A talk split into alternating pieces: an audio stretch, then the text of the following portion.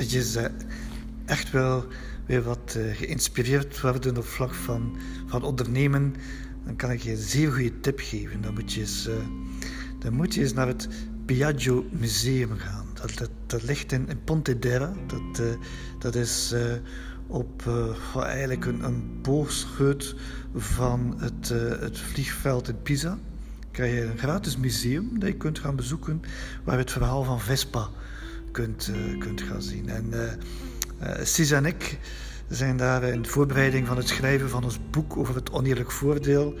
Zijn we daar in 2018 uh, eh, op één dag naartoe geweest, heen en terug. Niet echt ecologisch, maar wat we deden het, we het toch eens gezien hebben.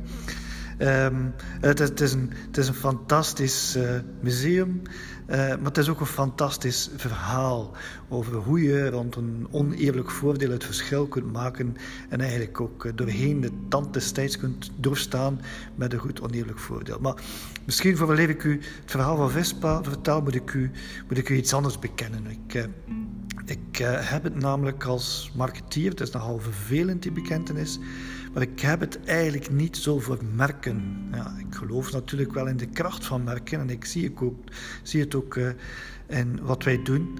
Maar zelf persoonlijk uh, hou ik niet zo van merken. En ik denk dat dat heel veel te maken heeft met mijn eigen kindertijd. Uh, ik was de jongste van drie in een, een goed, zeer aangenaam gezin, maar we hadden niet te breed. We moesten niet zot doen, zoals het dan werd gezegd. En, ik herinner mij dat ik dus ook thuis altijd zo wat eh, de, de kledij van mijn broers uh, overerfde. Ik kreeg dan derdehands kledij bij wijze van spreken. En dat was totaal, was totaal geen probleem, interesseerde mij eigenlijk niets. Tot, tot ik plotseling op de middelbare school kwam en uh, merkte hoe uh, daar plotseling iets, een, een, een, totaal andere dynamiek heerste op de speelplaats. En die, die dynamiek kwam er door de kledij. Het was, moet u weten, het was de tijd van, van de Miles. Hè? Voor de mensen die ooit die Jambers-reportage hebben gezien, die weten er ook alles van. Maar we hebben inderdaad, op een bepaald moment hoor je er niet bij als je niet een, een had, of een t-shirt van Lacoste, of een broek van Chippy, of Dockside schoenen. Eh, dan hoor je er niet bij. En de, de, echte, de echte hufters, zo noem ik ze dan, op de speelplaats, die, die reden dan ook nog eens met een Solex. Daar was je echt wel in. Dat was je de ster van de speelplaats. En je had liefst nog een Sony Walkman in je oren uh, om naar de Simple Minds te luisteren. De Simple Minds, jawel.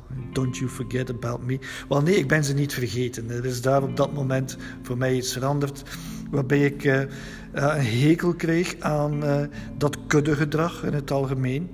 Um, over dure merken en wat je daar allemaal mee kan aanvangen. Dus ik ben niet zo voor merken. Mij zul je niet vaak met merkkledij zien rondlopen. Um, maar, maar, ik moet bekennen dat als het om Vespa gaat, dat dan, ja, dan ik weer, ja, dan neemt het Simple Mind het van me over en dan dan uh, slik ik alles voor Vespa, uh, slik ik alles. En ik heb ook gemerkt dat ik daar niet alleen mee ben. Ik, ik las in het boek van Michael van Peel Um, een mooi boek dat hij heeft geschreven van Pool tot Evenaar, of van Peel tot Evenaar beter, waarmee je met de Vespa een lange reis aflegt. En hij omschrijft dat op een prachtige manier, diezelfde liefde voor die Vespa. En als je even toelaat, dan, dan citeer ik daar een kort stukje uit.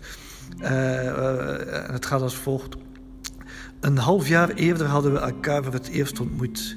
Vera en ik, in de Via di Fontebranda, een stijlstraatje in het dromerige Toscaanse Siena. Ik, een verloren gelopen Erasmus-student, overdonderd door het onbekende, die in steenkolen Italiaans schuifelend zijn weg zocht door de nagelnieuwe, eeuwenoude stad. En zij, een volbloed Italiaanse van 21, geboren, getogen en thuis in de streek. Met de gulzige blik van iemand die al geproefd heeft van het voorgerecht van het leven en honger heeft naar meer. Getekend, gepokt en gemazeld, maar nog altijd bloedmooi, zelfbewust van haar eigen schoonheid.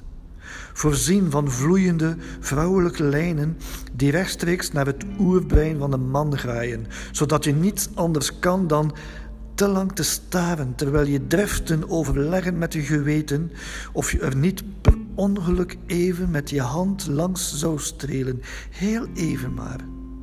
Ze keek me aan. Haar naam klonk als de lente. Ze had alles en ze was blauw, donkerblauw. Een Vespa Primavera ET3 uit 1982.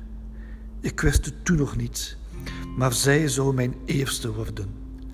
La mia primavera. Ja, ik smelt bij zo'n liefdesverklaring voor Vespa, want het is zo raak. En dan kan je de vraag stellen, maar hoe komt dat toch? Want mm, ik ben niet alleen. Ik merk dat er heel veel mensen zijn die die, die Vespa-liefde heeft. Maar wat maakt Vespa zo uniek? En als je dan dat museum gaat bezoeken, dan, dan wordt heel veel duidelijk. En één zaak dat, dat meteen duidelijk is, is, is dat het niet in de schoot is geworpen. Je moet weten, als we het over disruptie hebben, denk dan maar eens aan, aan Vespa. Piaggio was eigenlijk de fabrikant van, van vliegtuigen. En uh, vliegtuigen, ja, op het moment, hè, neem maar de jaren 30, 40, het moment van oorlogen, werden vliegtuigen al snelle bommenwerpers. Dus uiteindelijk waren zij, maakten zij deel uit van, van de wapenindustrie. En uh, toen uh, op het einde van de Tweede Wereldoorlog de geallieerden de, de, de, de firma Piaggio plat bombardeerden, omdat ze uh, daar die bommenwerpers maakten, was het, uh, was het, het einde van de ellende nog niet in zicht. Want wat bleek toen de oorlog voorbij was, dan bleek dat, dat plotseling Italië een verbod werd opgelegd om wapens te produceren. En onder wapens werden ook die vliegtuigen uh, gecatalogiseerd. Met andere woorden, Piaggio stond plotseling aan de grond. Men kon, men kon geen productie van vliegtuigen meer maken, dat was verboden. En dan sta je daar als ondernemer. Wat, wat, moet, wat moet je dan doen? Met je kennis en je ervaring, wat kan je dan doen? En dat is het mooie van, van Vespa, of van de familie Piaggio destijds. Ze zijn gaan kijken, oké, dit is de situatie, die kaarten zijn zo gelegd. We moeten op zoek naar, oplossingen. En uh, een van de zonen had in, uh, in Amerika een soort scooter gezien, of een soort fiets met een motor. En ik dacht, dat moeten wij ook kunnen. We moeten dat beter kunnen. En um, hij ging op zoek naar naar een nieuwe soort scooter. Maar een scooter die beantwoordde aan de behoeften van, van de bevolking, van de potentiële klant destijds. Je moet weten, de koopkracht was er niet meer. Het land moest zich, zichzelf herstellen economisch. De wegen waren kapotgeschoten, de fabriek was kapot. En we moesten op zoek naar een oplossing. En um, de eerste scooters die daar gemaakt worden, want een scooter bleek een goede oplossing te zijn. Men zag er wel de behoefte om zich te kunnen verplaatsen uh, met zo'n goedkoper alternatief dan de auto. En de eerste scooter die gemaakt werd, werd gemaakt door ingenieurs die voornamelijk naar de technische aspecten keken van zo'n scooter. En bleek dat die technische aspecten, als je dat dan allemaal samen bundelde tot een eerste scooter, dat bleek een mesklun van je welste te zijn. Het werd het lelijke eentje genoemd en de verkoop was, was gewoon weg een flop. Tot op een bepaald moment een nieuwe ingenieur werd uh, aangesproken en die, dat was geen motorfreak. Die, die bekeek het niet vanuit de technische hoek alleen, maar die bekeek het voornamelijk naar het gebruiksgemak van zo'n scooter. En die zei, ja, ik wil eigenlijk een scooter die, je makkelijk kan op- en afstappen. Waarbij dat, uh, dat als je hier door de kapotgereden straten rijdt en het heeft geregend, dat dat je kleren niet vuil zijn van het opspattende water. En je moet makkelijk kunnen een wiel vervangen. En je moet, je moet, je moet niet handig zijn om ermee te kunnen rijden. En, en et cetera, et cetera. Hij ging op zoek naar gebruiksgemak. En zo is eigenlijk de eerste Vespa ontwikkeld geweest. En dat bleek heel snel dat het effectief een heel breed publiek kon aanspreken. En het schitterende daaraan is, is dat sindsdien die Vespa eigenlijk qua model en qua filosofie nog weinig heeft ingeboet. Vandaag zijn er miljoenen Vespas die hier rondrijden en miljoenen fans. En waarom is Vespa daarin een mooi voorbeeld van oneerlijk voordeel? Omdat ze effectief wel de troef op, de, de, de, vijf elementen om die troefvoet te bespelen hebben uitgedacht. Ten eerste eh, was, was de troef waardevol. Ik, heb dat net verteld, ja, die was waardevol.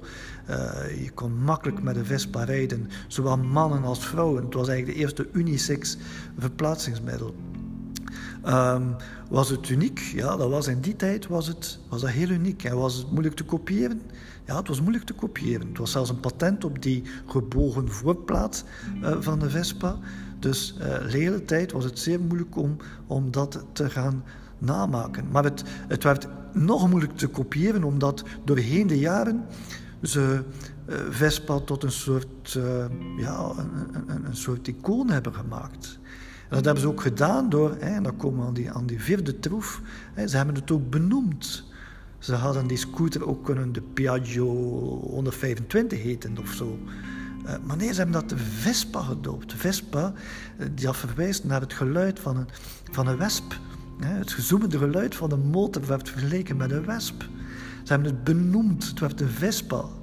En tenslotte hebben, het ook, hebben ze dat dan ook geëxploiteerd in films en storytelling en noem maar op. De Vespa kreeg overal zijn plaats en tot op vandaag is dat het geval. En daarom, beste mensen, is Vespa zo'n mooi voorbeeld van hoe je met een oneerlijk voordeel, als je het op een goede manier gaat benoemen en exploiteren, hoe je echt wel het verschil kan maken. Decennia lang.